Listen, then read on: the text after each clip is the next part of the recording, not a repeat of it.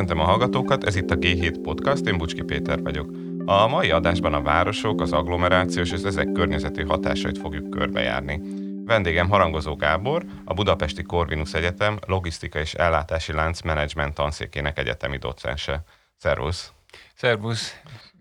A CITIS tudományos folyóiratban kutatótársaiddal annak jártál utána, hogyan lehet a környezeti lábnyom számításokkal számszerűsíteni, hogy ezek a városi átalakulások, a szuburbanizáció milyen hatással járnak. Ez nagyon érdekes cikk volt, de ennek talán azt kellene először megnézni, mi, mi is ez a környezeti lábnyom, és hogyan lehet ilyeneket kiszámolni egy, egy város átalakulásával kapcsolatban. Igen, igen, ez nagyon érdekes, és mi is aktuális, időszerű kérdésnek tartottuk. hogy ez a cikk, amiről most beszélünk, az, ez tavaly jelent meg a, a, a Cities-ben. A, ugye az adatok egy ezt megelőző időszakra vonatkoznak, de ugye hát ahogy most itt a, a vírus járvány kapcsán is látjuk, itt a, az agglomerációba való kiköltözés, ez, ez azóta is, sőt egyre inkább aktuális, és hát annak próbáltunk utána járni, hogy a, ezeket a, a városiasodási és városfejlődési folyamatokat, elkezdve azzal, hogy a 1990-es évek elejétől megerősödött a, a kiköltözés, majd visszaköltözés, most megint kiköltözés. Tehát ezeket valahogy itt környezeti indikátorokkal, különös tekintettel az ökológiai lábnyommal nyomon lehet-e követni, illetve leginkább is ugye, milyen tényezők ugye, befolyásolják az ökológiai lábnyom alakulását, amire esetleg hatással lehetünk. Igen, tehát ugye ezt a kutatást itt ugye közösen végeztük több ugye kutató társammal, amit megemlítenék, ugye az MTA Földrajz Tudományi Intézetből, ugye a Kovács Zoltán professzor, ugye azóta már valami ötvös hálózatnak hívják őket, illetve még a Győri Széchenyi Egyetemről Szigeti Ceciliát és még néhányakat. Rátérve a, az ökológiai ö, lábnyomra, az ökológiai lábnyom ez egy, egy jól interpretálható területhasználati mutató, amely ugye is azt mutatja be, hogy ugye képletesen ugye egy egyén, egy közösség, egy ország, akár egy, egy szervezet a tevékenységének a fenntartásához ugye képletesen mekkora területet használ el. Ezt a képletesen ezt azért mondom, mert ugye különböző területtípusoknak más-más a az ökológiai értéke, tehát egész más az értéke ugye egy, egy sivár, sivatagnak, és más egy, egy produktív mezőgazdasági területnek, vagy egy erdőnek. Tehát ugye szűkebb értelemben az ökológiai lábnyom, ez hat területtípust foglal magába, ez a élelmiszerhez szükséges mezőgazdasági terület, legelőterületek, erdőterület, a halászati terület, a városok, utak, infrastruktúra által beépített terület, tehát idáig területhasználat, és az utolsó, ami egy, egy kicsit ugye, ilyen, ilyen szennyezés jellegű, ez a széndiokszid kibocsátás semlegesítéséhez szükséges terület. Tehát ez, egy ilyen, ilyen értelemben egy szűkebb értelemben mutató, tehát nem, nem teljesen az általános szennyezésünket méri, de, de egyfajta ilyen erőforrás használati mutató.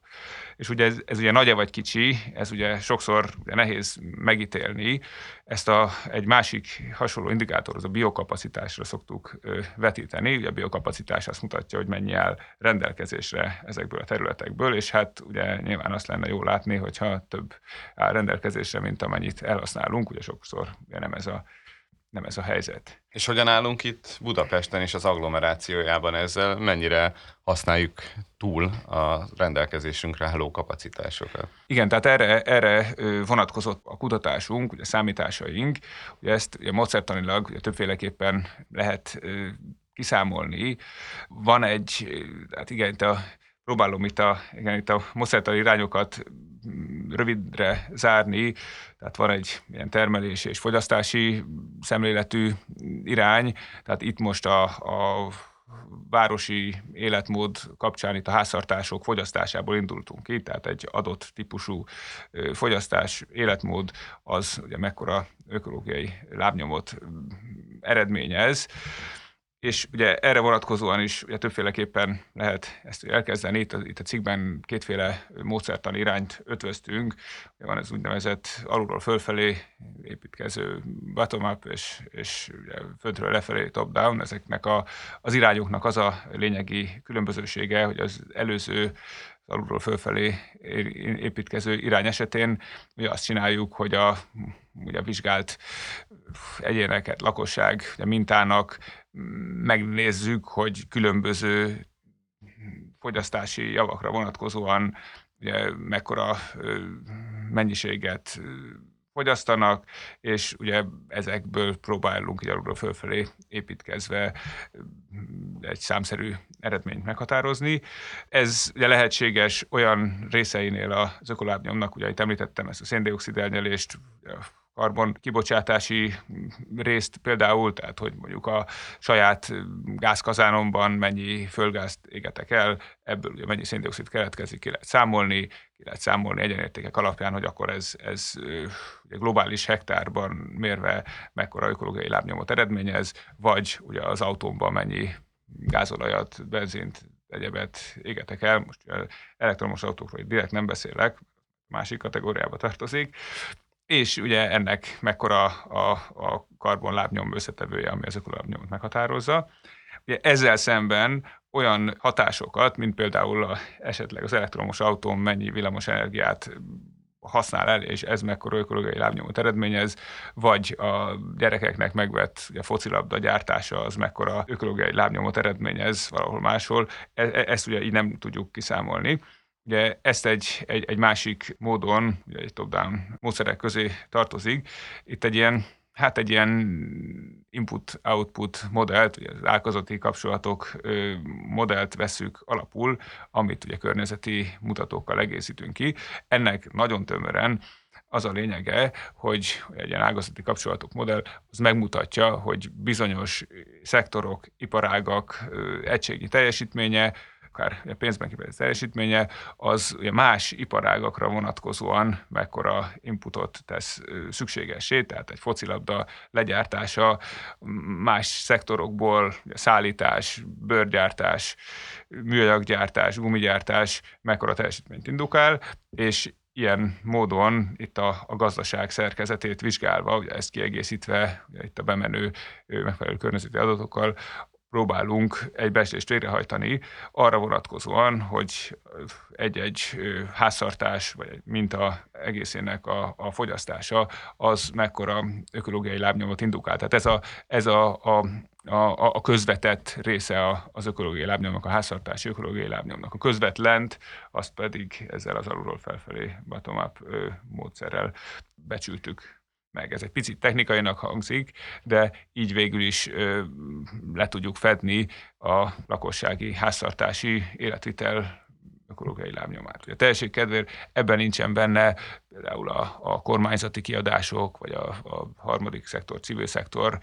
kiadásainak az ökológiai lábnyoma, tehát így egy kicsit kisebb számot kapunk, mint hogyha ugye megnéznénk a országos átlagokat. És akkor az a kérdés, hogy ez mit mutat? Tehát, hogy mit gondolhatunk arról, hogy mi mennyire fenntartható az az élet stílusa, hogy élünk, és ez a fogyasztási mennyiség. Igen, igen, igen. Tehát itt az érdeklelennek hangzó módszertani kérdések után természetesen az a, az a kérdés, hogy ez alapján mi jön ki akkor ugye a, az agglomerációs versus ö,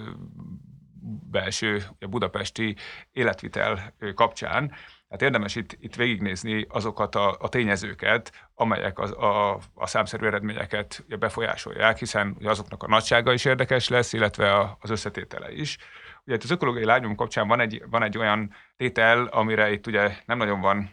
ráhatásunk. Ez, ez itt a, főleg az input-output módszer kapcsán érdekes, hogy a, a gazdaság ökohatékonysága időben hogyan alakul, tehát mondjuk egységnyi GDP-t mekkora ökológiai lábnyom mellett állítunk elő, tehát ez ugye a, a háttér számokban ugye itt benne van. Itt ugye az látszik, hogy itt a, a idővel, tehát itt a, a mi vizsgálatunk az a 2000-es évek elejétől mostanáig terjed, idővel egy, egy, egy kismértékű javulás figyelhető meg. Ez nem a teljes ökológiai lábnyomra vonatkozik természetesen, hanem, hanem, hanem egy, egy egység, egy pénzegységnyi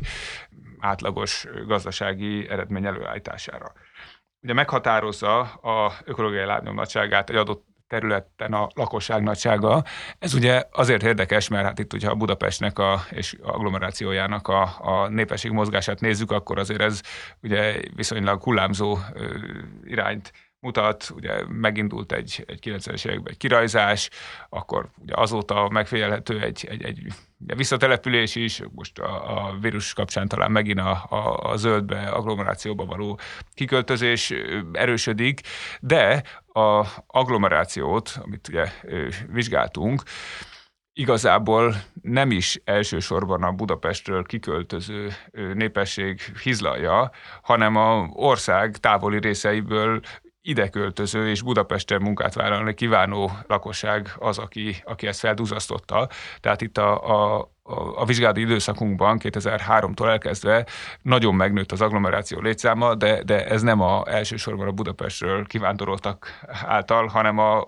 ország egész más területei által. Tehát ilyen értelemben ugye nem meglepő, hogy a agglomerációnak a, a az összesített ökológiai lábnyoma az, az nyilvánvalóan nőtt egyszerűen azért, mert, mert, mert, mert hogy többen, többen laknak ott. Tehát ez, ez az a tényező, ami a lakosság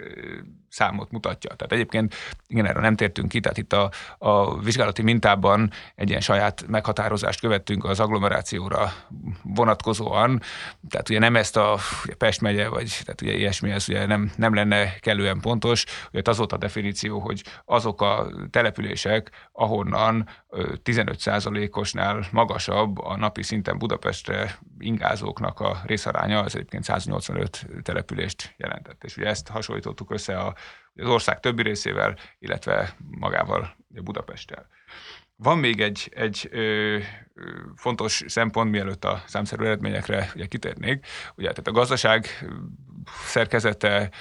a lakosság nagysága után, ez nem más, mint a, mint a fogyasztásnak a, a nagysága és a szerkezete. Ugye sokszor ugye mindig itt hatékonysági mutatóban gondolkodunk, holott a, a a fogyasztás az, az, az nagyon közvetlenül ugye befolyásolja azt, hogy a, az életvitelünknek mekkora ökológiai lábnyoma van. Hogyha három-négyszer annyi pénzünk áll rendelkezésre egy hónapban elkölteni, akkor ugye annak a, az ökológiai lábnyoma is magasabb lesz. Nyilvánvalóan ugye nem feltétlenül lineárisan, mert különböző ö, féle ugye, költéseknek egész más az ökológiai lábnyoma de, de ugye ez, ez nem véletlen, hogy a magas jövedelemmel rendelkező országoknak nemzetközi viszonylatban is ugye az egyfőre jutó ökológiai az, az jóval magasabb ugye pont emiatt. De a szerkezete is meghatározó. Ezek után azt gondolom, hogy akkor nézzünk egy kicsit a, a, a számokra, illetve mögöttük álló ugye konkrét tendenciákra. Hogyha itt, ugye itt sokszoros eltéréseket várnánk, akkor ugye azok azok, azok nincsenek, legalábbis ugye itt a, a Budapest és agglomeráció viszonylatában. Tehát ugye egy ilyen, ilyen, két-három globális hektár per fő itt a 2003-2018-as időszakban nagyjából, de azért itt vannak tendenciák. Ugye Budapest és az agglomeráció esetében inkább ezt a három globális hektárt közelítjük, itt szűkebb értelmevével ez csak a háztartási fogyasztásnak a, az ökológiai lábnyoma természetesen, míg a, az ország fennmaradó részén ott inkább ilyen kettő globális hektár per fő környékén, tehát ez itt ugye nagy részt a, a eltérő fogyasztási szint, eltérő jövedelmi szinttel magyarázható. A, általánosan elmondható, hogy a, a legnagyobb, tehát hogyha fogyasztási javakat tekintjük, akkor a, a legnagyobb ökológiai lábnyom összetevő, ez, ez, ez minden esetben a, a, az élelmiszer, az energia, háztartási energiafelhasználás és a közlekedés, ez talán nem is túl meglepő, de ezen belül is vannak azért, azért érdekes különbségek. Tehát, hogyha itt rátérünk most konkrétan a, a, a budapesti városmag, illetve az agglomeráció közötti különbségekre,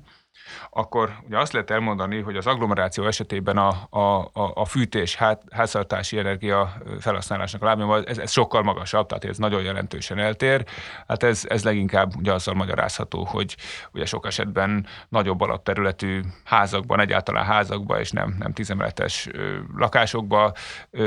laknak a, a, a, az emberek, adott esetben itt a, az energiahatékonysági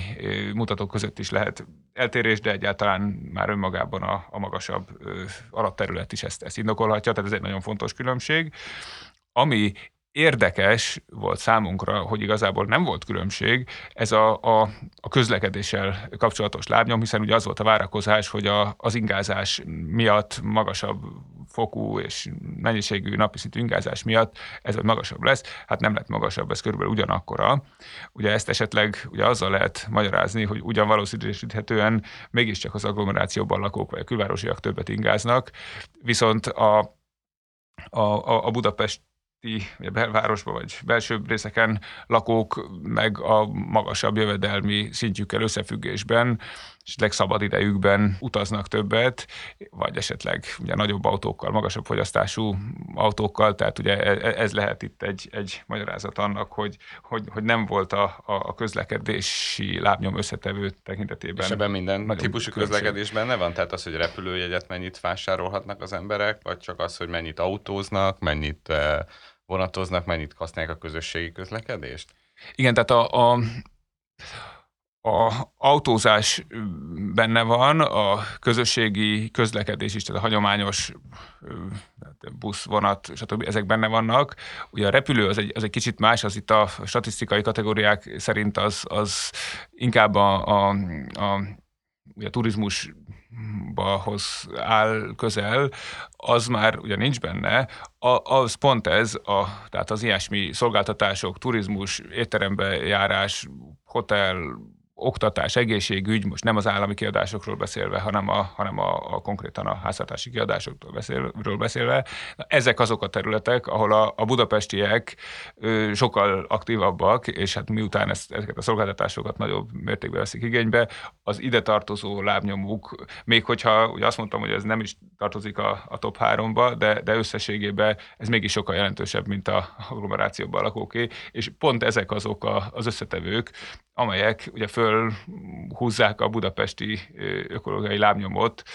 az agglomerációsnak a szintjére, amivel egy kicsit itt a, a, a háztartási energiafogyasztást ki egyensúlyozzák. Tehát mások azok az összetevők, amik az egyik helyen és a másik helyen magasak. De amikről beszélünk, ezek ugyan sok esetben ezek a közvetett lábnyom összetevők, de itt még picit visszatérve, nem csak a, a, a, a energia használatnak a nagyságára, hanem az összetételére. Itt még további érdekes dolgokat is ugye találtunk, különösen a, a, a közvetlen, tehát a, a lábnyom összetevőre vonatkozóan, tehát amit ö, mi ugye háztartási fogyasztók bocsátunk ki, közvetlenül széndiokszidot például, ugye ennek, a, ennek a, az összetétele, vagy az oka hogyan alakult.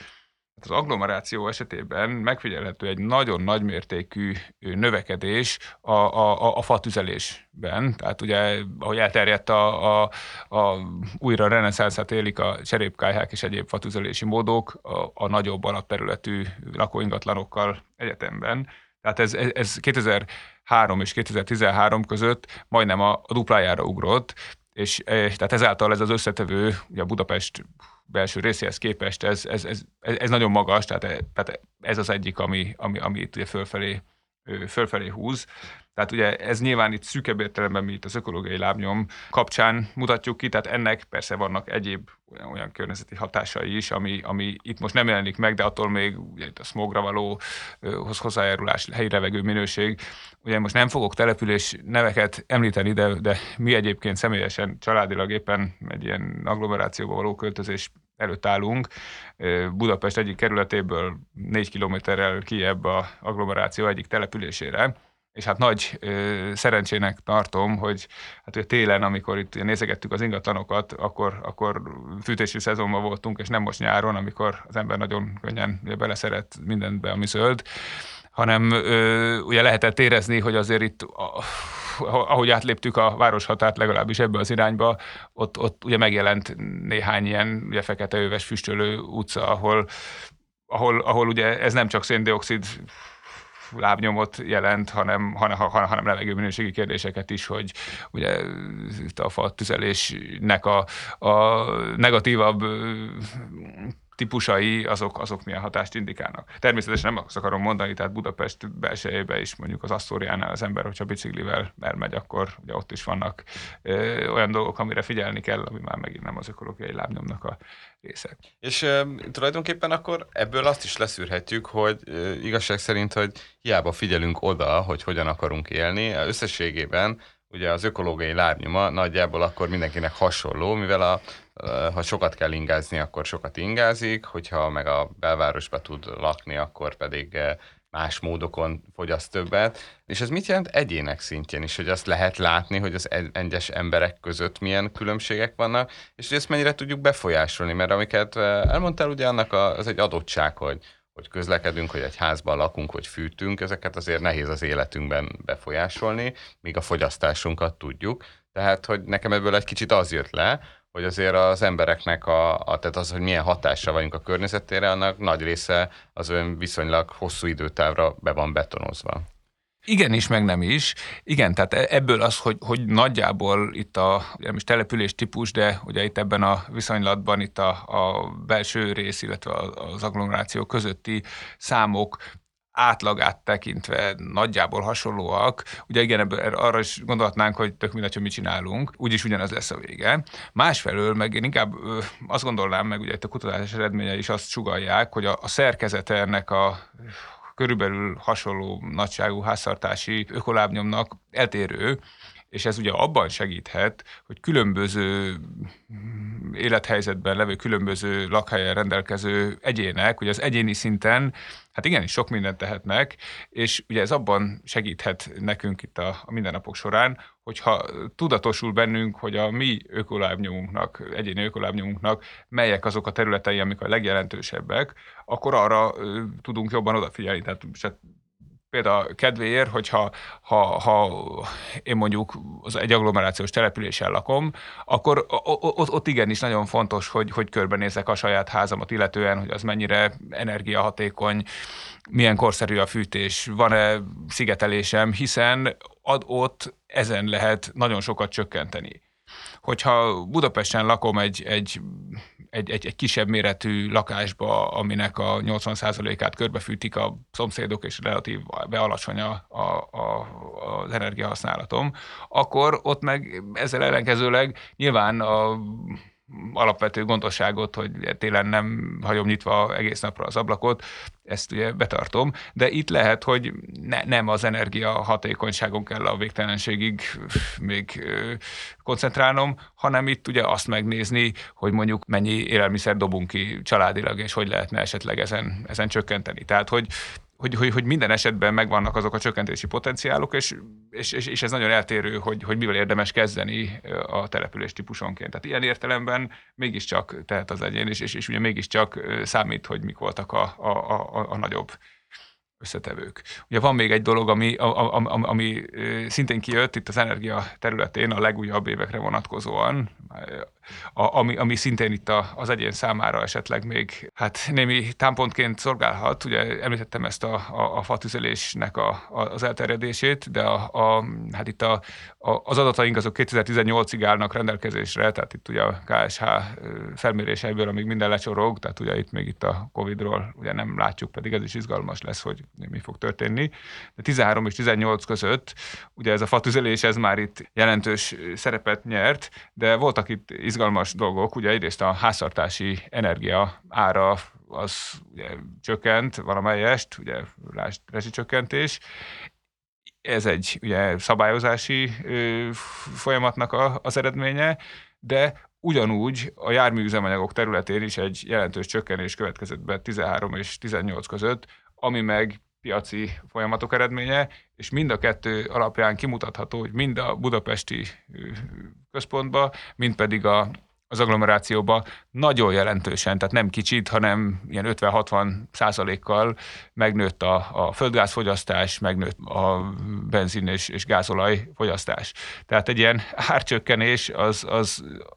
a, az ilyen hatásokat eredményezett. Ez ugye megint csak, ugye most mind a két féle lakóhely esetében fölveti annak a, a kérdését, hogy most vajon csak a, a energiahordozók ára alapján fogyasztunk, vagy esetleg tudjuk ezt magunkba valahogy kompenzálni, hogyha kicsit olcsóbb, akkor, akkor attól még ugye nem ö, fogyasztunk jelentősen többet. Hát ennek kapcsán ugye a fő kérdés azért, hogy a fogyasztásunkat elég sok olyan állami döntés is befolyásolja, és hát ez nem csak egyéni, hanem közösségi döntés is itt egyrészt ugye az árazás és a szabályozás kérdése, de másrészt ugye nagy állami beruházások is, hova épülnek utak, hol van lehetőség mondjuk lakóparkot építeni, vagy éppen ugye most készül egy új vasúti stratégia, ami az elővárosok elérhetőségét tenné sokkal könnyebbé. Ezeknek is azért,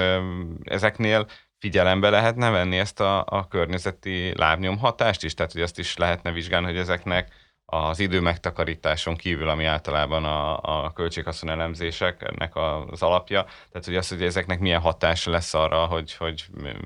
hogyan használjuk a környezetünket? Igen, igen, természetesen ez nagyon fontos, és hát összes ilyen, ilyen közlekedés fejlesztési koncepciónak ugye fontos eleme kell legyen, hogy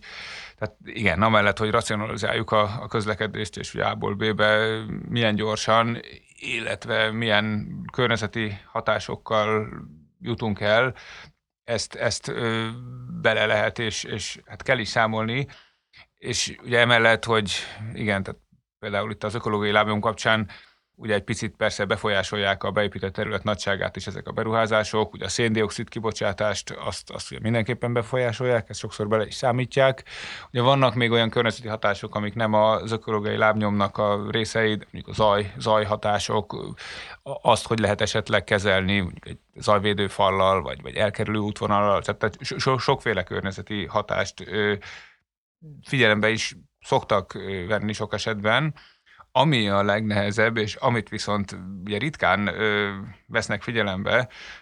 tehát am, amikről itt a, korábban is beszéltünk, hogy milyen hatása van annak, hogyha ha ugye egy, egy közlekedésfejlesztési stratégia eredményeként ugye könnyebb lesz a közlekedés, nyilván az a célja az egésznek, gyorsabb, könnyebb,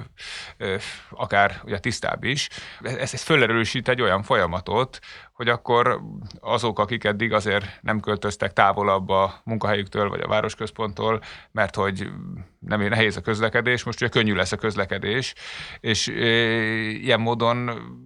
ilyen módon közvetve, ugye ez azt is indikálja, hogy, hogy, hogy egy ilyen kiköltözési hullámot legalábbis ugye megerősít, vagy felerősít, és ugye az már ugye nincsen benne ezekben a számításokban szinte sosem, hogy ugye hány olyan ember lesz, aki a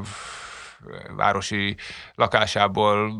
kiköltözik 30-40 kilométerre, és épít magának egy, egy nagy házat, ami, ami életminőség szempontjából nagyon jó. Másfelől viszont ugye ennek a, a nagyobb fűtéshez kapcsolódó lábnyoma, ugye tehát e, ezt nevezzük egy ilyen visszapattanó hatásnak, hogy, hogy, hogy, hogy egy, egy fejlesztés, ami környezetileg akár jó is, ugye a, a, azáltal, hogy ugye olcsóbbá, tisztábbá, jobbá válik azáltal a nyújtott szolgáltatást többen veszik igénybe, és így, így aztán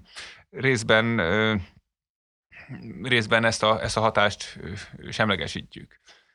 Itt, itt, még itt a, a, a, az adást megelőzően beszélgettünk arról, hogy, hogy, hogy előfordulhat az, hogy a vasúti fejlesztések eredményeként akár ugye többen fognak a vasúton utazni, de, de, de ettől még nem lesz kevesebb autó az utakon, hát pontosan. Tehát, igen, tehát hogy, hogy a, a, nem csak arról van szó, hogy egy tisztább közlekedési mód akkor ugye átveszi a szennyezőbb közlekedési mód forgalmának egy részét, hanem, hanem nő, a, nő a, a, a közlekedésnek a mennyisége. Tehát ez, ez, ez végül is,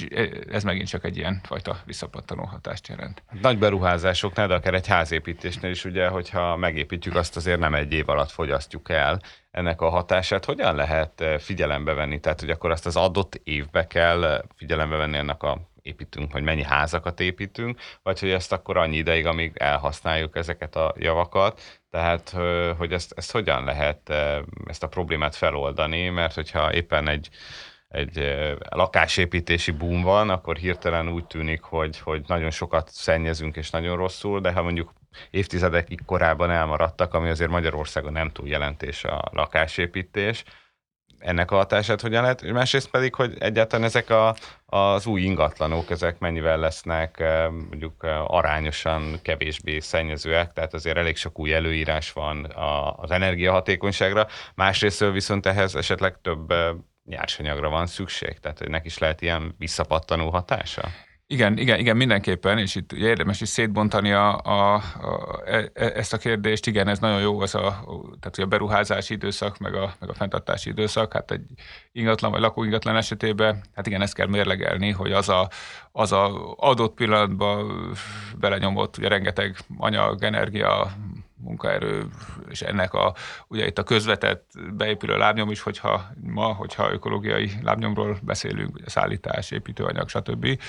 az az adott időszakban jelentkezik, tehát az általános értelem, általánosabb értelemben is, és ugye ugyanakkor azt reméljük ezektől, hogy, hogy, hogy az energia hatékonysága viszont, viszont annyival jobb, hogy, hogy a, az évek során a, az energia használata az akár a töredéke is egy, egy, egy hagyományos épületnek, és ez itt egyébként tényleg igaz, hogy itt nem 10-20 százalékokat sporolunk meg, hanem egy, egy régi rossz energiahatékonyságú épület esetében akár, akár a negyede, ötöde is lehet a, a, a fűtési költség, és itt, és itt nem, nem csak a leg, legdurvább passzív házak esetében, hanem szinte most már a, a minimum szabványnak megfelelők esetében is, is így van. Itt igen, tehát, tehát ez ilyen formán, ugye persze itt a ugye anyaghasználatot kell mérlegelni, hogy most már itt ugye körbe betonoztuk a, a földet, itt a National Geographicnak már egy tavalyi számítása, beszélése szerint most már nagyjából egy szinten van az ember által teremt, vagy épített vagy e- ember által felhasznált anyagmennyiség a, a, a biomaszának a, a tömegével, ami, ami, ha belegondolunk, ez, ez, ez nagyon durva jobb is, ha nem gondolunk bele, de, de ez most itt egy mellékszál, tehát egy, e- az épületek esetében igen, itt, itt, itt jelentős mennyiségű energia megtakarításra van jelent, lehetőség, amit tehát ugye itt a, a, az ökológiai lábnyomban is, is meg fog jelenni. Tehát itt ugye az a kérdés, vagy az a dilemma, mert az a, az a művészet, hogy megtaláljuk azt az, az egyensúlyt, hogy melyek azok a, a, a, az épületek, vagy ahol, ahol, ahol ugye érdemes ezt a cserét megugrani, és mondjuk egy, egy rosszul megépített, régi, rossz energiahatékonyságú épület esetében érdemes ugye újat építeni, és ez, ez, ez, ez nem mindig egyszerű, mert ugye mondjuk egy, egy, egy viszonylag új, viszonylag jó ugye épület esetében ennek ugye nincs értelme, másfelől ugye lehet értelme, és hát ugye itt is a visszapattanó hatás bejön, hogyha ugye itt párhuzamosan az történik, hogy ugye a 60-80 méteres lakásokból 250 négyzetméteres passzív házakba költözünk, akkor ez, ez, ez megint csak magában hordoz egy jelentős visszapattanó hatást. És van esetleg arra nemzetközileg jó példa, hogy ezt hogyan lehet figyelembe venni? Tehát amikor mondjuk egy épületet el akarnak bontani, hogy akkor ezt legalább mérlegelni kelljen, hogy, hogy ajánlatot adnak arra, hogy ezt föl is lehetne újítani, és akkor ennek ezt esetleg támogatni, ösztönözni, hogy nem mindig csak újat építsünk? Nyilván vannak ilyenek, meg tehát ez, ez legtöbbször az ilyen, hát ilyen, ilyen történelmi vagy műemlék jellegű épületeknél ez, ez, ez nyilván előírás megjelenik, ez, ez Magyarországon is. Leginkább általában a, az energiahatékonyság felül szokták ugye megközelíteni ezt a kérdést, tehát hogy, hogy ha, ha, ha van értelme az energetikai felújításnak, akkor igen. Tehát ugye, tehát a, a, a, akkor igazából ez, ez persze ez föl szokott merülni. Tehát itt, itt, itt a, a, a, amit ugye nagyon nehéz figyelembe venni, azok a mennyiségi kérdések, hogy tehát arra vonatkozóan nincsen ilyen, hogy, hogy, hogy, hogy mi az a, az elégséges lakásméret mondjuk egy háztartás, egy család számára, amire ugye azt mondjuk, hogy tehát ennek a duplája az már, az már túlzás, tehát ilyen, ilyen, ilyen, ilyen nincsen. Ped, pedig ugye a hatékonyság mellett ez is egy, ez is egy fontos szempont. Hát nagyon sok mindent lehet ennek kapcsán még nézni, meg hát nagyon sok lehetőség van még, hogy mindenki a saját, és még az államok is a fogyasztásukat jobban átgondolják, és több szempontot mérlegeljenek, és erre tényleg ez az ökológiai lábnyom elég jó mutatószem lehet. Én nagyon szépen köszönöm a beszélgetést, és a hallgatóknak is a figyelmet. Iratkozzatok fel ránk ott, ahol a podcastokat hallgatjátok, és ha tehetitek, akkor támogassatok minket, mintha előfizetnétek egy lapra a g7.hu per támogatás oldalon. Én Bucski Péter vagyok, ez pedig a G7 Podcast volt. Sziasztok!